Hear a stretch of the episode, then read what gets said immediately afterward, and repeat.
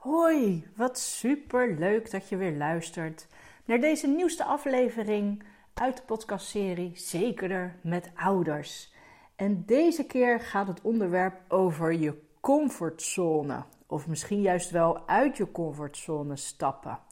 We hebben natuurlijk allemaal onze gewoontes en onze dingetjes die wij uh, altijd doen, de manier waarop we gesprekken voeren met ouders. Maar stel dat je nu echt, echt iets anders wilt bereiken met ouders, je wilt echt ergens doorheen prikken, ja, dan heb je misschien juist wel uit je eigen comfortzone te stappen. Je moet het durven doen. En uh, ja, daar gaat deze podcastaflevering over. Over durven doen, net iets anders dan anders. Ik ga altijd voor mezelf terug naar het ideaal. Wat wil je nou heel graag bereiken voor dit gezin? Wat zou je ze gunnen? En als je met die intentie het gesprek aangaat en weet wat de uitkomst is, dan zul je zien dat je al hele andere gesprekken gaat creëren. En het gaat natuurlijk niet om jou. Het gaat om het gezin. Het gaat om hun toekomst, hun leven. En hoe kan jij ervoor zorgen dat jij bij, ja, daarbij aan kan sluiten, zodat ze uiteindelijk het leven gaan creëren wat zij willen? En dat is misschien wel een hele andere gedachtespinsel dan wat je normaal gesproken zou hebben. Eh, ouders die komen bij jou met een vraag, met een uh, probleem. Ze willen graag ergens anders naartoe werken. Maar ja, ze weten nog niet zo goed hoe ze dat het beste kunnen doen. Nou, jij komt met al je tips en je adviezen en goede ideeën. En uiteindelijk pakken ze het net niet op. En dat is natuurlijk super zonde. Dus stel dat je het zou omdraaien en dat je veel meer gaat kijken van hé, hey, wat heeft het gezin nodig? Wat willen zij bereiken? En dat je dat aan de hand van jouw uh, begeleidingstijd zo gaat inrichten. Dus dat je ze veel meer vragen gaat stellen. Je gaat veel meer uh, bij hun uh, het gesprek aan waar, waar ze naartoe zouden willen. En naartoe zouden willen leven eigenlijk. Ja, zo noem ik het altijd maar. Want ja, je vergeet vaak wat je in een dag kan bereiken. En wat je in een jaar kan bereiken, maar ook wat je over vijf jaar kan bereiken. Het heeft echt allemaal tijd nodig. En soms lijkt het misschien net alsof er niks gebeurt, alsof er geen ontwikkelingen zijn in die periode dat jij er bent. Maar zie het zo dat je allemaal zaadjes aan het planten bent. En hoe kan jij ervoor zorgen dat de mensen zich veilig genoeg voelen bij jou zodat ze met jou meegaan. En ja, dat helpt toch door het stellen van de juiste vragen.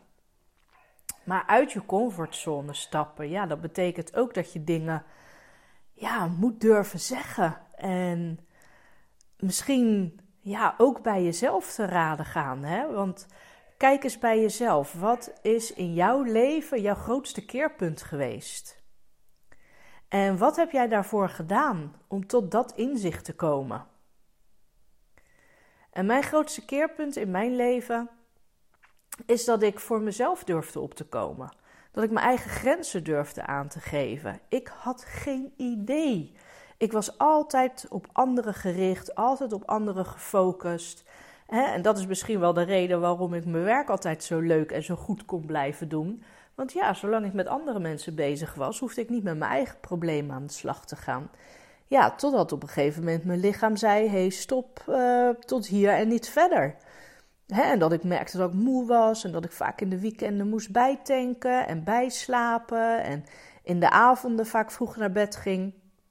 Dat was zo rond mijn 30ste, 32ste jaar. Dat ik echt voor mezelf een keerpunt uh, ben aangegaan. Ik ben uh, met coaching en trainingen heb ik heel erg voor mezelf de beslissing gemaakt van ik ga mezelf het allerleukste leven gunnen die ik me maar kan gunnen. En daar heb ik invloed op. je hebt niet altijd invloed op de omstandigheden die er zijn, maar wel invloed op hoe ik ermee omga. En door ja, daarin de beste coaches te vinden die helemaal bij mij pasten en matchten, trainingen te volgen waarvan ik dacht van ja, hoe beter ik mezelf ken, hoe beter ik andere mensen kan begeleiden. Nou, en dat is echt een super gave reis geweest. En tuurlijk is dat niet altijd makkelijk geweest, maar ik vind hè, de makkelijkste weg ben ik achtergekomen. Dat is eigenlijk juist de zwaarste weg. Waarom? Omdat als je niks doet, dan overkomt je alles. En ik heb besloten rond mijn 30ste, 31ste, ik ga nu leiding nemen over mijn eigen leven. En ik ga het voor mezelf helemaal inrichten zoals ik het wil. En ik had een groter plaatje hoe ik het hebben wilde. Ik wilde met Happy Kids Care een mooie organisatie neerzetten. Waar ouders en kinderen echt tot hun recht komen. Waarin ik um, happy team members kan opleiden. Waarin ik met een team kan samenwerken die precies hetzelfde doel voor ogen hebben. Nou, en tien jaar later heb ik dat wel bereikt. Nou, al binnen vijf jaar waren de stappen al gezet, zo rond mijn 35ste, 36ste. En ja, nu zijn we tien jaar later, ben ik 43 en kan ik zeggen dat heb ik bereikt. En dat is precies wat ik ouders ook altijd meegeef. Hè. Soms moet je even naar het grote plaatje gaan. Even uitstappen uit je, hè, uh, ja, je comfortzone, je, je, je plek waar je nu staat en helemaal uitzoomen Waar zou je nu naartoe willen groeien? Wat, stel dat alles in jouw vermogen ligt, dat alles mogelijk is. stel dat jij heel groot mag dromen. Wat, hoe, zou, hoe ziet jouw leven er dan uit? Kijk, en op het moment dat je weet hoe het leven er dan uitziet. En je weet ook wat iemands kernwaarden zijn, dan kan je stappen gaan zetten wat er voor nodig is. En sterker nog, soms hoef je maar nou, niet echt hele ingewikkelde interventies te doen, omdat ouders dan ineens zelf met de ideeën gaan komen. Dat is zo bijzonder.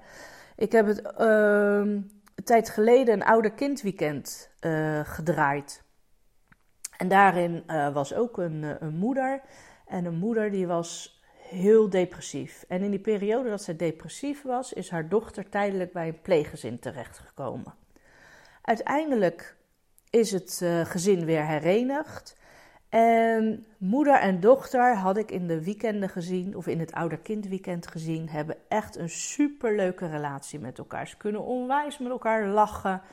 Uh, ze zijn heel eerlijk. Um, nou, er zit, uh, nou, misschien, nee, dat weet ik zeker. Er zit 18 jaar leeftijdsverschil tussen, dus dat is natuurlijk best wel weinig. En op een gegeven moment komt moeder naar me toe en ze zegt: Joh, ik wil toch eventjes iets met jou delen. Want ik vind het zo moeilijk om uh, mijn grenzen aan te geven en te zeggen tot hier en niet verder. Ze zeggen: We kunnen heel veel uh, lachen en gekkigheid maken. Dat is echt onze kracht en onze binding. Maar op een gegeven moment ben ik er ook klaar mee. En ben ik het zat en wil ik er uitstappen en even wat anders doen, mijn aandacht ergens anders op focussen. Maar mijn dochter gaat maar door wat kan ik daaraan doen? Want op het moment dat dat gebeurt, zegt ze, heb ik mezelf ook niet meer in de hand, word ik ineens heel erg boos.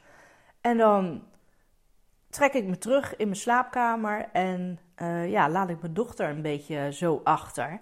En mijn dochter die vindt het ook heel moeilijk om daarmee om te gaan. Maar ik weet niet zo goed hoe ik dat kan aanpakken. En ik had natuurlijk het weekend had ik wel goed kunnen observeren en uh, nou, ik stelde haar wat vragen, hè, of, ze, of ze daar wel eens met haar dochter over praat op het moment dat, uh, uh, dat zich dat voordoet. Maar de emoties die lopen dan zo hoog op, dus dat is best wel een beetje lastig. Um, ik heb gevraagd um, hoe de situatie is op dat moment, hè, als, als dat plaatsvindt. En ze zegt van ja, ik, ik waarschuw een paar keer en dan ineens dan uh, knapt er bij mij ook iets. Want ze gaat maar door, ze, ze blijft dat, dat clowneske, hè, dat, dat grappige gedrag, dat blijft ze maar vertonen. En toen dacht ik, ja, wat, wat zou haar helpen? Nou, wat ik wel eens vaker aangeef, is dat verhaaltjes altijd um, een boodschap brengen. En ik had uh, een tijd geleden had ik een boek van Will Smith gelezen. En ik weet niet of je dat boek ook al hebt gelezen, maar ik vind het echt een aanrader. Vooral omdat Will Smith heel duidelijk zijn eigen patronen uh, herkent en ook kan benoemen waarom hij doet wat hij doet. Hoe, hij is, hoe het komt dat hij zo is geworden. Hij komt uit een gewelddadig gezin. Zijn moeder werd mishandeld door zijn vader.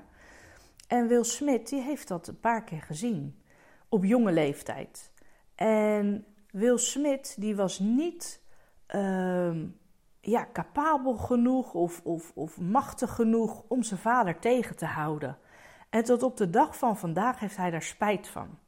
Hij zegt: Op jonge leeftijd zag ik mijn vader voor het eerst mijn moeder in elkaar uh, slaan. En, en ik, ik verstijfde. Hij zegt, dat beeld is nooit meer van mijn netvlies verdwenen. En heb ik altijd bij me gedragen. Maar ik merkte ook dat mijn vader ook kon lachen om mijn grapjes. En hij zegt: Ik ging helemaal op in een fantasiewereld.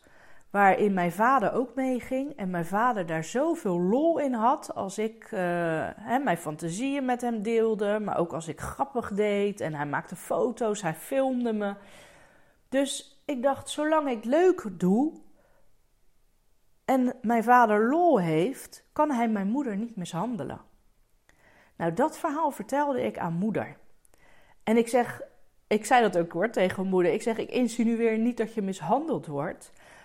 Maar ze zeggen, nee, ik begrijp wat je bedoelt. En toen dacht ik, oh gelukkig, ze interpreteert het juist. Ze zegt, mijn dochter is bang dat ik, als ik zo bozig reageer, dat ik weer in die depressie terechtkom. En als ik in die depressie terechtkom, dan is ze bang dat ze uit huis wordt geplaatst. Ik zeg, nou, Misschien is dat precies de kern. Misschien is dat precies de reden waarom jouw dochter zo uh, jou opzoekt en uh, het jou naar de zin wil maken en jou aan het lachen wil brengen. Ze zegt inderdaad. Ze zegt, maar dan kan ik het toch gewoon met mijn dochter bespreken. Dat ze daar niet bang voor hoeft te zijn. Want ik ga haar echt niet meer uh, verliezen. Ze zegt, en ik ga er alles aan doen om mezelf goed te houden. Om niet meer in die depressie te belanden. Maar ze zegt: Ik weet nu ook wat ik echt nodig heb. Hè. Stel dat ik me weer zo voel, wat ik dan heb te doen. Ze zegt: En toen der tijd overkwam het me allemaal. Ze zegt: Maar ik heb zulke goede therapieën gehad en trainingen dat ik nu weet wat ik heb te doen. En ik ga mijn dochter niet meer verliezen. Ik zeg: Nou, maar misschien is dit precies wat je dochter nodig heeft om te horen.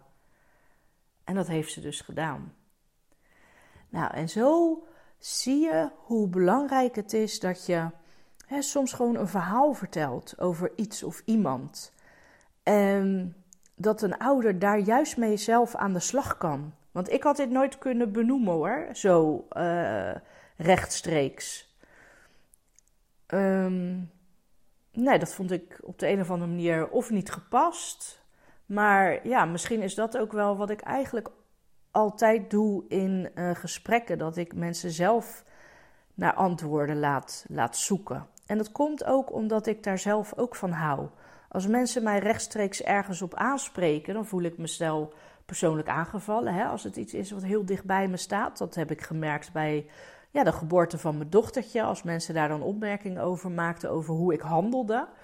Dan dacht ik altijd, huh, ik heb je helemaal niet om advies gevraagd. Ik heb helemaal uh, geen probleem bij je neergelegd. En ik vond dat heel vervelend als mensen daar opmerkingen over maakte. En ik weet nu ondertussen ook dat ja, mensen dingen zeggen of benoemen wat bij hun past. Hè, of waar zij moeite mee hebben gehad of wat zij een uitdaging vinden. Dus ik heb ook heel erg geleerd om dat bij anderen te laten.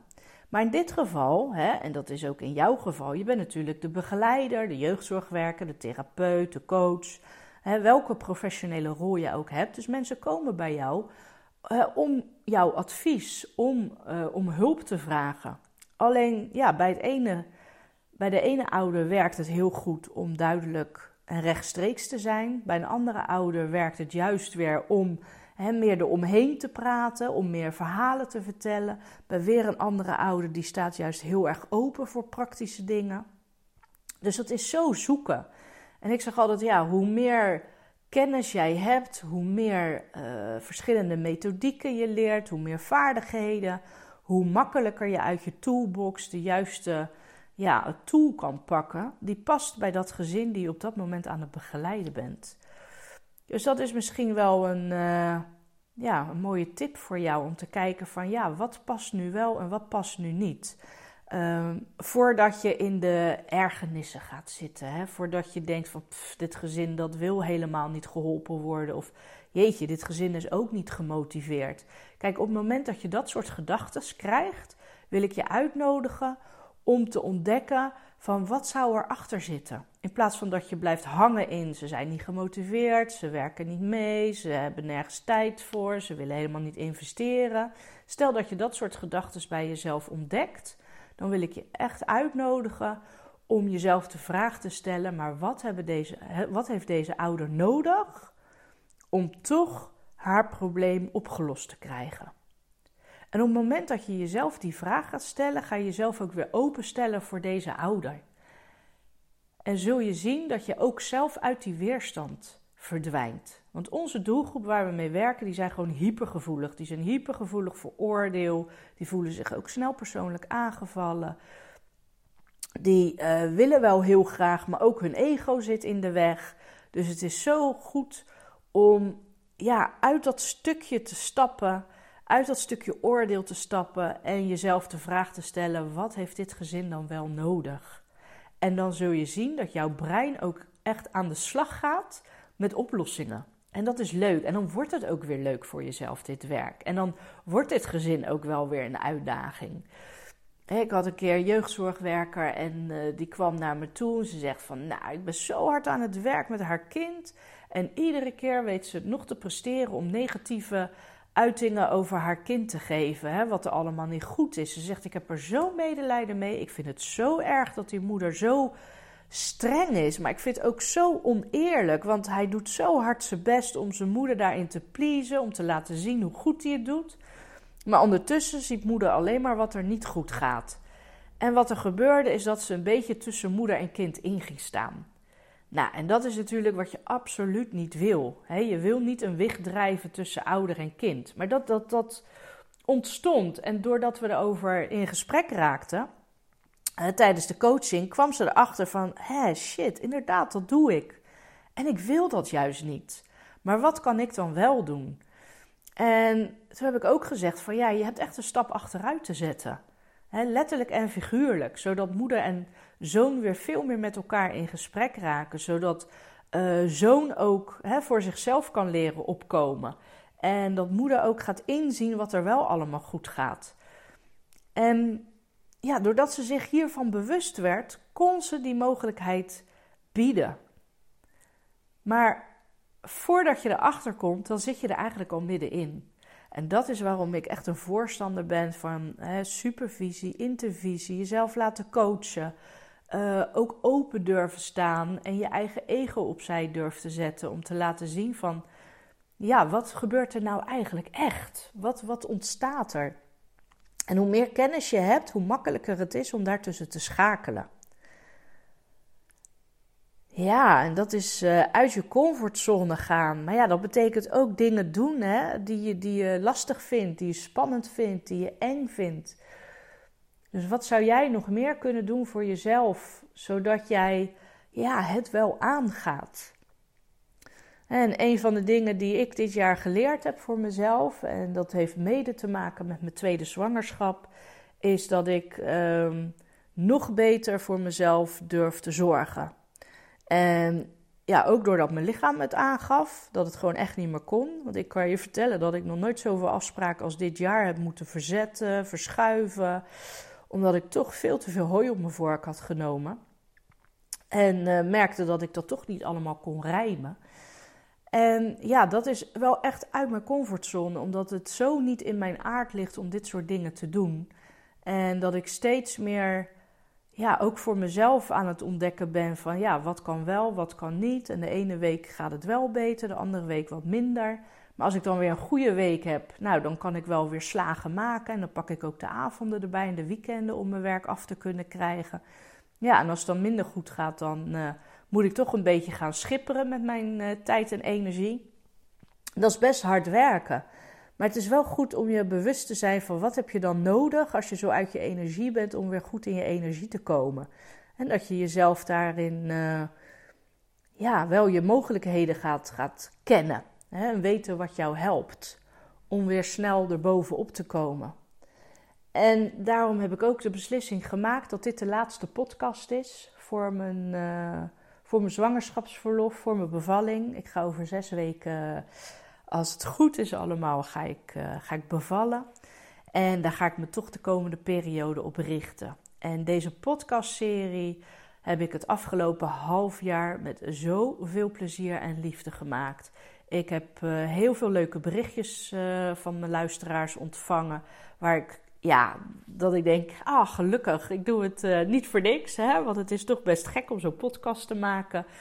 Zonder te weten of dit nou wel echt past bij de mensen waar ik het voor maak. En ik heb het, ja, wat dat betreft krijg ik zoveel leuke feedback van jullie. Dat het heel veel mensen heeft geholpen. En zelfs het onderwijs heeft het geholpen. Om uh, de leerkrachten die, die met ouders te maken hebben, die vonden het ook een hele interessante uh, podcast. Omdat ouders echt open zijn en aangeven waar ze, mee te waar ze tegenaan liepen. En maar ook waar ze wat aan gehad hebben. De tips die ouders gedeeld hebben, hoe waardevol die zijn. Dus ik kijk met heel veel plezier kijk ik terug op de afgelopen, ja, de afgelopen maanden dat ik deze podcast heb opgenomen. En ik wil jou ook als luisteraar bedanken dat je dit, uh, dat je dit luistert, dat je me feedback hebt gegeven. En ik ga na mijn bevalling uh, zeker weer terugkomen met uh, deze podcastserie, want het is te waardevol en ja, te mooi om te laten liggen. En mocht je tips hebben, ideeën, adviezen, dan hoor ik het graag. En deze podcastserie rond ik uh, voor nu af. Ik wens je een hele goede tijd toe. Heel veel succes met alle ouders, met de kinderen, met de gezinnen die je begeleidt. Onthoud dat je echt super belangrijk werk doet. Geef nooit op, blijf zoeken naar mogelijkheden. En ik wil je bedanken voor het luisteren. En tot een volgende podcast.